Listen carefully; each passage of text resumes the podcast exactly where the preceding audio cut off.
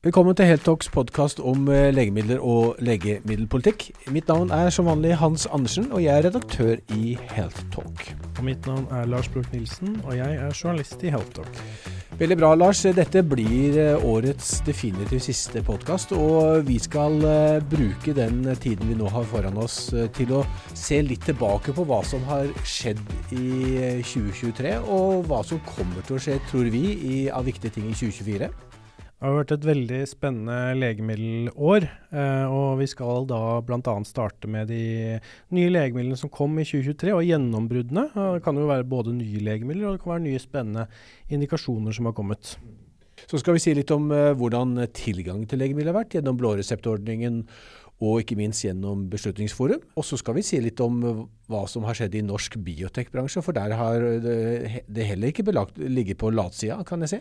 Nei, det har skjedd eh, utrolig mye spennende der også. Um, og til slutt så skal vi da se litt inn i denne kjente krystallkula og snakke litt om hva som kan bli de viktigste sakene i 2024 eh, på legemiddelområdet.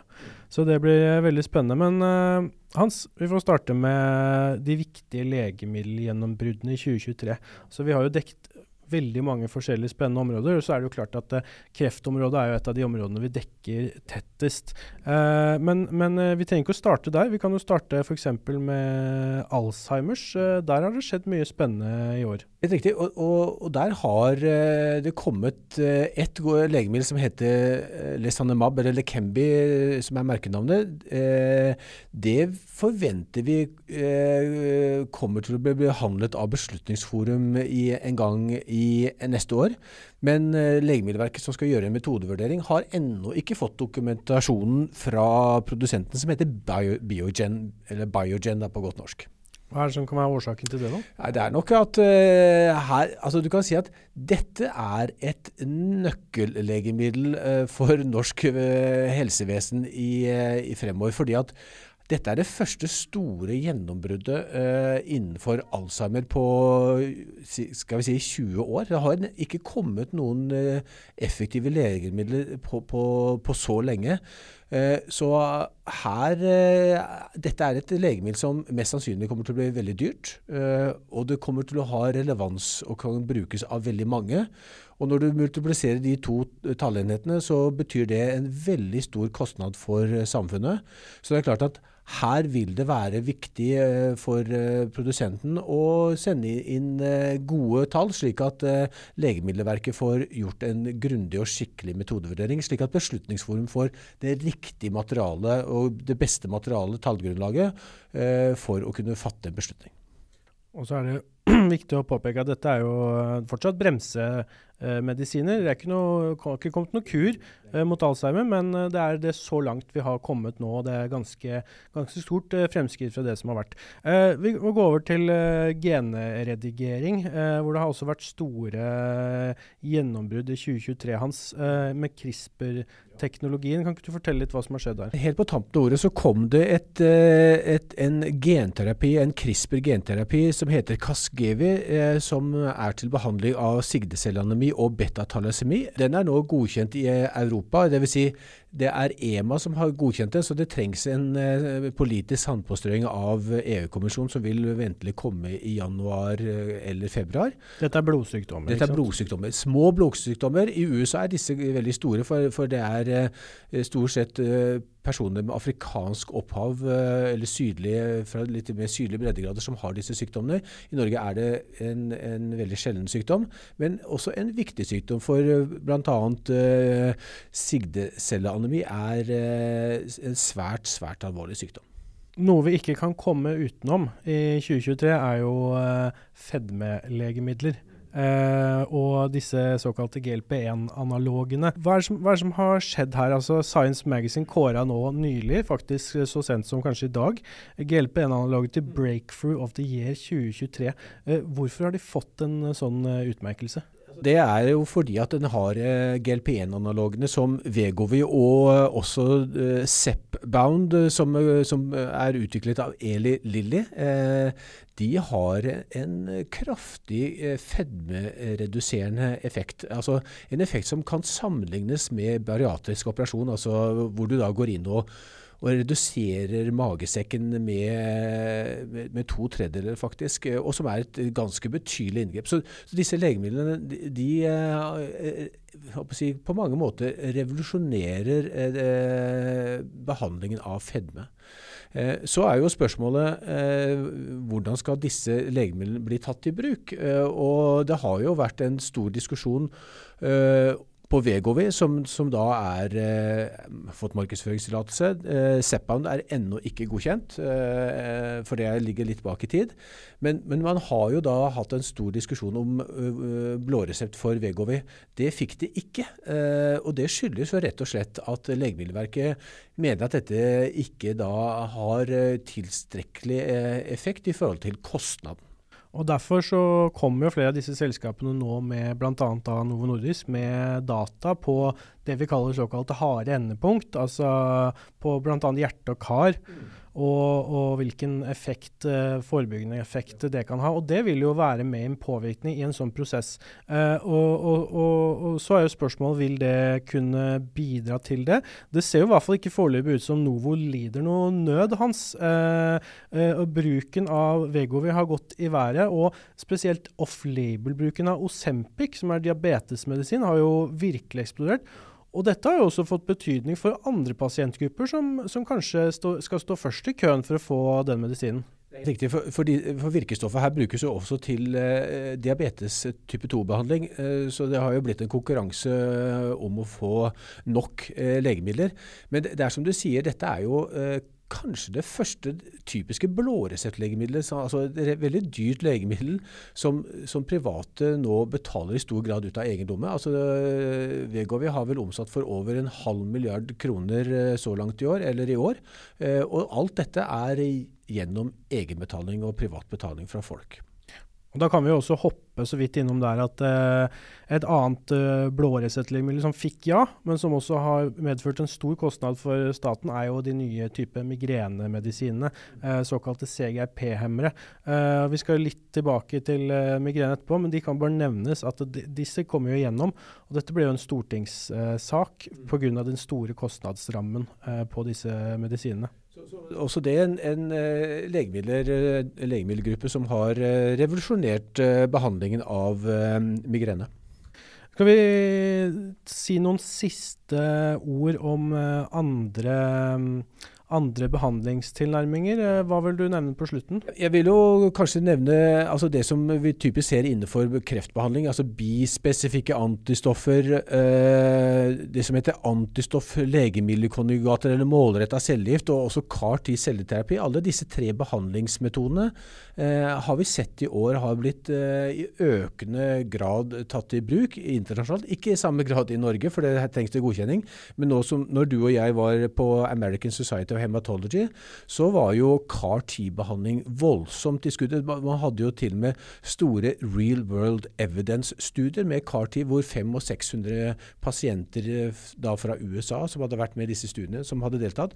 Og de viser jo at uh, real world evidence, altså den kliniske bruken er like effektiv som i de kliniske studiene. Og det er jo eh, ganske imponerende og viktig. Og nettopp eh, kongresser som Æsj, sånn som du nevnte nå, er jo en eh, ting som vi må innom i vårt eh, lille årshjul og årsreferat her. Det, kongresser stopper jo ikke å være viktig for oss.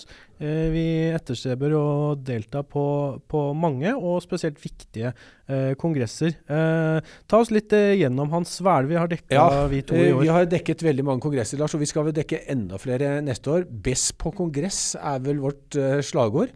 Vi, vi ofte så starter jo disse kongressene litt sånn ut på, på våren, sommeren. Og, det, og det, en av de store er jo ASCO. Altså eh, den store amerikanske kreftkongressen som går hvert år i Chicago. Den var vi på. Verdens største. Verdens største, Hvor det er rundt 30 35 000 kreftleger og legemiddelindustri som, som, møter hverandre. Og her legges jo Dette er jo si, kanskje hovedarenaen ved siden av eh, ESMO, som er den europeiske, som også i økende grad har blitt viktig innenfor kreftkliniske eh, studier. Og Det er vel en av trendene vi kanskje har sett i år, at nå begynner ESMO virkelig å ta innpå, og kan faktisk snart ta igjen ASKO som, av, som verdens største kreftkongress. vi var jo godt over 30 000 leger på ESMO på, i Madrid i år også. Og vi ser jo at for mange er det jo lettere å velge å sende både industrirepresentanter og leger til ja. europeiske land, og istedenfor så langt som til USA. Ja, Det var mange flere norske leger på, på ESMO enn ASKO, det var ingen tvil om. Og så ja. må vi kanskje også nevne den neste, kanskje den siste virkelig kjempestore kongressen, som er som jeg var litt inne på, altså American Society of Hematology, som, vi, som i, gikk i San Diego, California nå i midten av desember. Også en veldig stor og viktig kongress, inn, og da innenfor hematologi og blodkreft. Uh, men Eh, vi har prøvd å bredde oss litt utover bare krefthans, så vi må jo også nevne at vi har dekket vi har dekket dermatologikongressen EADV. Vi har vært på en, den litt mindre SCR-revmakongressen, den skandinaviske revmakongressen som var i eh, København. Eh, og vi dekket også Ektrims, den europeiske MS-kongressen. Eh, så, så, vi er også på andre, andre områder enn kreft, og vil fortsette å gjøre det på de viktigste områdene også i 2024. Ja, og vi vil eh, dekke enda mer eh, kongresser neste år, du og jeg, Lars. Eh, dels reise, kommer vi til å reise sammen, dels hver for oss. Eh, men det er et veldig veldig viktig arena for oss å være til stede på. Å møte og snakke med legene innenfor de ulike diagnoseområdene, som, som gir eh, de norske legene som ikke har, som ikke har hatt anledning til å reise dit, en, en vesentlig påfyll av informasjon. Så kan vi også nevne kort at vi også har dekka en rekke industrimøter her hjemme, hvor vi har uh, uh, lagd saker spennende, på spennende politiske temaer og problemstillinger som har blitt tatt opp som er aktuelle for uh, legemiddelindustri og andre aktører i legemiddelbransjen og legemiddelområdet. Men én ting er, Lars nye kliniske studier og nye indikasjoner og nye godkjenninger i EMA. Eh, det er, er, flott, men så må jo også Beslutningsforum eh, ha sitt besyv med i laget, og de må si ja før et legemiddel kan tas i bruk. Et sykehuslegemiddel iallfall kan tas i bruk i Norge. Ja, og det er jo ikke alltid noe som skjer på, på kort tid. Eh, ofte kan det ta lang tid, for det i Norge så skal det gjøres noe som kalles metodevurderinger, um, som skal vurdere da ofte spesielt kostnad-nytte-effekt av uh, nye, nye, legemidler eller nye indikasjoner for eksisterende mm. medisiner. Og De skal jo da vurdere liksom alt fra effekt og sikkerhet, uh, organisatoriske forhold, kostnadseffektivitet og budsjettkonsekvenser. Uh, og, og, og, den tidsbruken som har blitt uh, brukt hos SLV, den har jo, uh, har jo blitt en, en, gjenganger i mange av sakene fra 2023. Ja, og det har blitt også et og det var lenge vært et politisk problem. så, så Ingvild Kjerkol, statsråd helseministeren, hun ba jo Beslutningsforum, de fire direktørene som sitter der for de regionale helseforetakene, å komme opp med en plan eller strategi for hvordan tidsbruken kan gå ned, slik at det tar kortere tid for eh, norske pasienter får eh, tilgang til legemidler. Og, hva, og vi, har, vi har, jo fulgt disse, eh, denne strategien nøye, og helt på tampen av året så kom Beslutningsforum med en, si et, et siste tiltak. Ja, altså i, i, siste møte til Beslutningsforum nå, så ble det altså vedtatt at det skal innføres en såkalt hurtiginnføringsordning for immunterapier, og spesifikt da PD1 eller PDL1-hemmere, som da brukes hyppig i kreftbehandlinger av ulike kreftformer i Norge. Dette skal være en måte å få hurtig hurtiginnført uh, disse, disse, medikamentene uten da nye, uh, ofte da uten nye metodevurderinger, slik at dette skal gå ganske hurtig. Um, det virker som det er litt blandede følelser fra industrien spesielt rundt uh, hvorvidt dette er blitt ønsket å ta i bruk. Hva er det de har sagt til nå? Nei, men Det er jo interessant, Lars. fordi at uh, ja, det er alle ønsker. Pasientene ønsker det, politikerne ønsker det, industrien ønsker det, og helt sikkert også byråkratene i helseadministrasjonen ønsker det, å få ned tiden. Men det er også noen, og særlig de sistnevnte, som ønsker å få ned prisen. Eh, så nå har jo da, eh, som du sa, eh, Beslutningsforum vedtatt en ordning som, da, som, heter hurtiginnføring av immunterapi. Men det kommer en liten snagg med dette, og det er rett og slett at de har innført et nytt prisbegrep som kalles Beslutningsforum GIP, altså Beslutningsforums grossistinnkjøpspris. Og det som det har vært eh, et litt sånn hemmelighetens slør hva egentlig det er. men Kort fortalt så Det vil nok sikkert bli tydeligere i, i, løpet av neste år når dette her kanskje blir implementert eh, mer i detalj. Men det er, eh, ser ut som at eh, legemiddelselskapene må gå med på en lavere pris. Eh, enda lavere pris enn det som har vært tilfellet så langt, for å komme med i denne ordningen. Lavere pris for hurtigere innføring, eh, rett og slett. Helt riktig. Og, og, og, vi har jo sett i både uttalelser til oss og til, eh, til andre medier at uh, det, det, ligger sånn noe, noe, positivt og noe negativt uh, her for, uh, for, industrien. Og det gjør at de også må tenke seg om hvorvidt de ønsker å bruke denne formen. Og hvis de ikke ønsker det, så er jo de nødt til å, å, å, benytte seg av det, det gode, gamle hurtige metodevurderingene. Og de vet vi jo kan ta litt tid. Ja, og hurtig metodevurdering er jo newspeak. Det er sånn Orwell Orwell skrev i, 19, i boka 1984, det er eh, et eh, hurtig metodevurdering. Går ikke hurtig. Eh, det, er, det, skal ta normert 180 dager, men ta fort over et år. men du har også andre typer metodevurderinger enn det som kalles bl.a. en enkel metodevurdering. Så det er jo, med respekt å melde, egentlig ikke behov for å ha en slik hurtig veldig hurtig-hurtig modell. For det at den, den, enkle metodevurdering skal ta ca. 30 dager. Og det burde være hurtig nok. Eh, men eh, vi får se. Dette blir, er nok en tautrekking mellom legemiddelindustri og Beslutningsforum. Og så får vi se hvordan eh, dette går til slutt. Ja. Vi regner med at det blir mer enn nok å skrive for oss for neste, neste, år også. Det blir ikke for lite. Uh, når vi da først er inne på Beslutningsforum, vil du fremme noen viktige ja som kom uh, i 2023? Ja, jeg kan, jeg kan, absolutt gjøre det. Det viktigste ja-saken var, var, innenfor kreft. og det er, det er, der de fleste sakene til Beslutningsforum De hadde eh, 98 saker oppe til vurdering. 60 eh, saker ble innført, og 35 ble ikke innført. så det er jo mange som får nei også. Men du kan si de viktigste ja-sakene var innen, faktisk primært innenfor brystkreft, hvor du har da en Hertu på HER2 lav brystkreft, og så har du Troddelvi på trippelnegativ. To veldig viktige beslutninger for en, en ganske, ganske, store pasientgrupper. Og så kom også da en CAR-10-behandling som heter Yetskarta. Den ble da innført på andrelinjebehandling av lymfom. Det hadde tidligere hatt tredjelinjeindikasjon, men nå fikk den da godkjent på andrelinje. Og sistnevnte godkjenning nå kan jo være med å få ballen til å rulle på fremtidige godkjenninger av karter framover. Mm. Og det er bl.a. noe vi har skrevet om i 2023. Kan, eh, kan gi en utfordring for eh, både selskapene og helsevesenet i forbindelse med kapasiteten for å gi disse pasientene dette.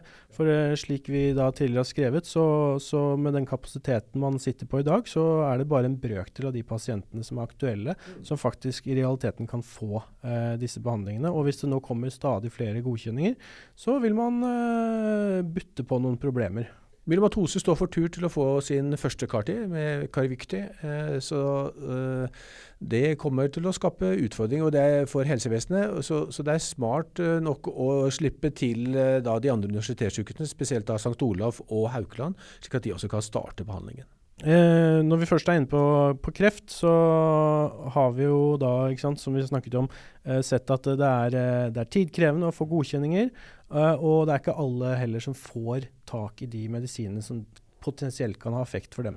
Og dette har hatt en effekt hans eh, på noe som vi kaller for privat eh, kreftbehandling gjennom privat helseforsikring. Hva er det som har skjedd der i løpet av året? I de siste 10-12 årene i alle fall, så har flere og flere nordmenn fått privat helseforsikring. Eh, og de aller fleste av disse det, får det gjennom jobben. Det er jo til og med privat, offentlige selskaper som, eh, som, har denne ordningen for sine ansatte. Og for de fleste, av, som, fleste forsikringsselskapene tilbyr også kreftbehandling innenfor denne private helseforsikringen. Eh, og vi har, eh, Lars, vi har jo laget en ganske stor reportasjeserie i høst som nettopp dokumenterer denne veksten som vi nå ser i privat bruk, eh, eller finansiering av eh, kreftbehandling. Dels gjennom helseforsikring, men også veldig mange som betaler dette ut av egen lomme. Mm, to av krisene vi skrev om, var bl.a. en pasient som da hadde fått behandling gjennom eh, privat helseforsikring, som hun fikk nei til eh, i den offentlige helsetjenesten. Mens vi hadde en pasient som hadde betalt over, godt over en million kroner av egne oppsparte midler eh, for å betale eh, for en behandling i, i underkant av et år før hun fikk godkjenning eh, for å få den i bruk. Og så kom det da godkjenning for hele gruppen. Og det var da nettopp eh, en Hertu, eh, som vi nevnte, Ja. nevnte er helt riktig. Og Årsaken er jo til, til at eh, privat helseforsikring og egenbetaling eh, kommer inn eh, som en løsning for folk. Det er jo nettopp at det tar så lang tid for å få en godkjenning i Beslutningsforum. Eh, og klart, har du brystkreft eh, med spredning, så har du veldig dårlig tid, eh, som vi, som vi så bl.a. Og det er klart at eh, da er, har du pengene selv, eller har en forsikring, så er det selvfølgelig eh, veldig eh, fristende å, å velge privat behandling på, som man kan gjøre på Aleris-klinikken, eller på, på kreftklinikken på Nordstrand, som, som også har avdeling i Arendal. Uh, og vi vet at dette vil være en sak som vil prege 2024 òg, for vi vet at venstresiden er veldig kritisk nå til, uh, til den utviklingen man ser. Og Rødt fremmet jo bl.a. nå nylig forslag om, eh, om at man skal eh, skrenke inn mulighetene for å kunne bl.a. tilby privat helseforsikring eh, gjennom statlige virksomheter. Eh, og diskuterer også da en mulig moms- eller avgiftsordning eh, på dette, eh, som vi kommer tilbake med i en sak nå snart. Så, så dette vil jo absolutt bli en debatt uh, på utover i 2024. Um, vi har også skrevet om uh, migrene uh, og utviklingen som har vært der. Det var en viktig sak som, som vi fulgte ganske tett opp mot, mot Stortinget også, der um, prisutviklingen på disse nye CGRP-hemmerne, nye migrenelegemidlene, eh, gjorde at eh, SLV, eh, Legemiddelverket, ble bedt om å komme med tiltak for å bremse den prisutviklingen. Og et av de tiltakene, det var jo det å innføre en behandlingsstopp på tre måneder. Mm. Eh, da ble det bråk, eh, Hans. Ja, og uten å ta munnen altfor full, så bidro vi til at eh, det ikke ble en realitet, for å gjøre en lang historie kort. Eh, det er eh, en veldig stor utfordring for pasientene å må vente lenge på å, å få behandling. Eh, migrenen kan bli kronisk. Det skjønte politikerne, og, og fikk snudd dette. Og øh, Vi kan ikke gå inn på alle detaljene der, men gjerne gå inn på våre sider og finn de sakene vi hadde der. for Det er veldig spennende lesing med mye kommentarer fra, fra hodepineeksperter, nevrologer og andre der som, øh, som du bør få, Mm. få med deg. Vi kan vel kanskje si litt om norsk legemiddelindustri, eh, altså, eller biotekindustri som det vel egentlig eh, bør kalles. eh, og, og noe av den politiske ambisjonen som det er å bygge en, en stor norsk eh, helsenæring. Ja, eh, nå er jo ambisjonene klare. Eh, Helsenæringen skal bli en av de store, viktige områdene hvor Norge skal eh, hente inn eh, kapital og styrke i fremtiden. Eh, og, og, og det har vært eh, stor oppmerksomhet både politisk og mye press også fra industrien selv. Eh, og så er det jo interessant da å se litt nå når vi har et tilbakeblikk på 2023. Hvem er de store aktørene vi har i dag?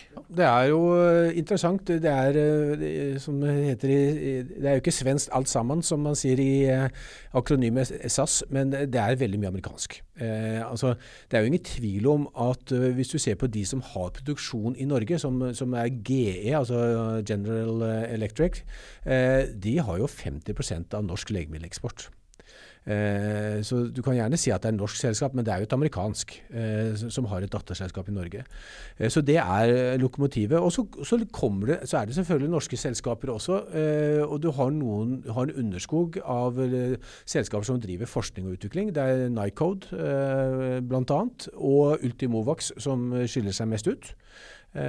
Så Nycode har jo fått en grundig og god finansiering ved at de har solgt deler av, eh, til lisenser til, eh, til amerikansk eh, og, europeisk legemiddelindustri. De har jo over 200 ansatte nå. Ja, så det begynner å, å bli veldig veldig spennende. Så vi, vi, eh, vi ser at de utvider kreftporteføljen også, så, så inn, innenfor kolonkancer. Så det er et stort og viktig selskap. Så har du Ultimovax, som kom med dato på ESMO på brysthinnekreft, som ikke ble så godt mottatt. men kommer da med den viktigste studien sin. Det er en gang nå på vårparten. Det er Initium-studien som undersøker effekt og sikkerhet av denne kreftvaksinen UV1 i kombinasjon med to immunterapier eh, på nydiagnostiserte pasienter med føflekkreft. Så du kan si Det er make it or break it for det selskapet. Eh, hvis de ikke lykkes med, hvis ikke de får statistisk signifikante eh, effekt på, på dataene, eh, hvilket de tror de får, eh, og de, begynner, de, signaliserer for så vidt, uten at de selvfølgelig kjenner dataene i detalj, så, så vil eh, fremtiden være svært vanskelig for selskapet. Og så, så, kan vi jo si det at eh, når eh, vi snakker om en styrka helsenæring her, skal du være næring, så må du jo til slutt ha et produkt å selge og, og markedsføre, og helst da eksportere eh, for at vi skal styrke oss på det området. Ingen av disse selskapene er i den fasen ennå. Så, så, dette er jo viktig at, eh, at, den styrken de har nå, det fortsetter også helt til, til de er der at de har et produkt det er mange år frem, og på den tiden så kan det jo skje veldig mye. Man kan jo da enten lykkes eller ikke lykkes med den selve kliniske utviklingen. Uh, og hvis man lykkes, så er jo også da spørsmålet klarer man å beholde det man har lykkes med her i Norge, eller vil det være mulighet for at man kan bli kjøpt opp uh, av uh, større utenlandske selskaper? Det siste er jo det, det som er det naturlige. Det er uh, veldig stor forskjell på det å, å laboratorie og klinisk utvikle et legemiddel til det å komme inn i kommersiell fase. Det krever helt andre muskler, som uh, bl.a. Algeta viste. Det ble solgt til, til Bayer for nesten 20 milliarder kroner. Eh, et, et, eh, kreftprodukt som, som, eh, er på markedet i dag, men som det krever en helt annen kapasitet, kompetanse til å gjøre, og som ingen legemiddelselskaper i Norge så langt har klart å gjøre. Så det, det, er jo ikke Man skal ikke være altfor stor spåmann eh, for å tenke at Nycode og Ultimax, dersom de lykkes med de kliniske studiene, en eller annen sted nede i gata kommer til å bli amerikansk eller eh, eid av et stort europeisk kreftselskap. Men Det, det gjenstår selvfølgelig å se, og, men, eh, men, det er mange år framover igjen. År så, igjen. Ja. så vi, vi, håper selvfølgelig og tror at uh, man kan få noe bra ut der. Og så er det spennende å se hva, hva det vil ende opp i.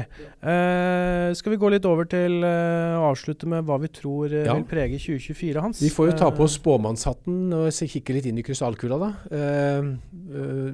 Jeg har satt på, det er noen ting som i hvert fall helt åpenbart kommer. Det er jo prioriteringsmeldingen til, til regjeringen. Den er jo allerede i gang. Uh, det har, eh, Meldingen skal, i tråd med den eh, Hurdalsplattformen, altså den regjeringsplattformen som ble signert av Senterpartiet og Arbeiderpartiet, den skal eh, vurdere betydning av persontilpassa medisin for prioritering av, av, hvordan man sikrer en åpenhet og etterprøvbarhet om prioritering i helse- og omsorgstjenesten. Satt ned tre ekspertgrupper som skal da vurdere de ulike aspektene da ved prioritering. Uh, og, og, det skal også vurderes uh, tilgang og åpenhet uh, som, som, punkter. Det er det, og regjeringen ønsker innspill i denne prosessen. så allerede i starten av januar, 9. januar, så skal statsråden, helseministeren, altså, ha innspillsmøte med sentrale aktører om meldingsarbeidet. Så vi har spurt om å få lov til å være til stede på det møtet. så vi får håpe at det blir åpning for det.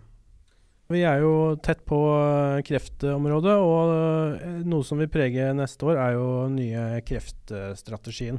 Uh, hva er en kreftstrategi, Hans? Ja, Det er godt. Det er jo på en måte de langsiktige planene til regjeringen for hvordan si, den, den overordnede kreftbehandlingen skal skje i dette landet. Og vi har jo allerede en kreftstrategi som nå går inn i 2022. Den er forlenget litt, men nå jobber de da med, med denne nye strategien som skal virke fram til fra 2024 til 2028, kanskje helt inn til 2030. Så det er imponerende å klare å se så langt inn i krystallkulen.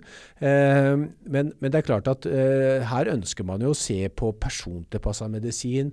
Eh, sikkert genetisk eh, kreftmedisin som etter hvert også nå kommer. Eh, for å se hvordan er det Norge skal å si, kunne ta inn og, og, ta seg råd til og, og, igjen, og, ta, og tilby norske pasienter dette. Så, så det pris, blir et, en utfordring. Pris er jo en rød tråd gjennom uh, veldig mye av det vi prater om, mm. og ikke minst på kreftfeltet. Så det er jo ikke rart at man er, har et behov for å ha en uh, slik strategi, uh, et slikt strategiarbeid sånn som dette, mm. for å i det hele tatt se om man klarer å tilby de løpende uh, oppdateringene på kreftfeltet som stadig kommer fra mm. legemiddelindustrien. Ikke sant. Og, og, det som de definitivt må ta inn over seg, det er behovet for gentesting, uh, som trengs å, å, investeres ganske betydelige summer, slik at uh, flere sykehus kan teste pasienter også i relativt tidlig kreftforløp for, eh, for hvilken type kreft de har. Slik at eh, målretta legemidler kan, kan settes inn tidligst mulig. Det er noe med det at den dyreste kreftmedisinen er den som ikke virker. Eh, og dette handler jo nettopp om å finne de pasientene der du nesten kan eh, Ikke garantere, men du kan være rimelig sikker på at den vil fungere hvis de har da riktig eh, mutasjon. Eh, så, så, utrolig viktig og kommer til å også prege 2024. Ja. Vel, Lars, det er sikkert mange ting vi kunne sagt om fremtiden. Det kommer, uh, Kunstig intelligens kommer definitivt til å bli en, en, viktig ting. Digitaliseringen av helsevesenet, som ikke går så fantastisk bra, i, uh, i hvert fall hvis, hvis, vi skal se på hva som skjer oppe i trøndelagsfylkene uh, med Helseplattformen, det kommer også til å bli en gjenganger i 2024. vi kommer definitivt til å være der. vi, du og jeg, er to journalister foreløpig helt nok. Vi ønsker jo nå i 2024 å ansette en ny person, slik at vi kan styrke oss ytterligere. Vi er, mener vi, eh, den viktigste avisa innenfor legemidler og legemiddelpolitikk eh, i, i Norge. Eh, den posisjonen ønsker vi å ta i enda større grad. Absolutt. Så vi håper jo at dere lytterne våre, og dere som forhåpentligvis da også er lyttere og eh, lesere, Eh, og seere av eh, alt det multimediale stoffet vi lager. At dere fortsetter å følge oss inn i nyåret. Følg oss på sosiale medier, abonner på nyhetsbrevet vårt. Og så håper vi at vi ser dere med en, en enda en ny giv i, på nyåret. Ja, Da gjenstår det vel egentlig bare å ønske alle våre lyttere, lyare, en god jul og et riktig godt nyttår. God jul og godt nyttår, og så snakkes vi i 2024.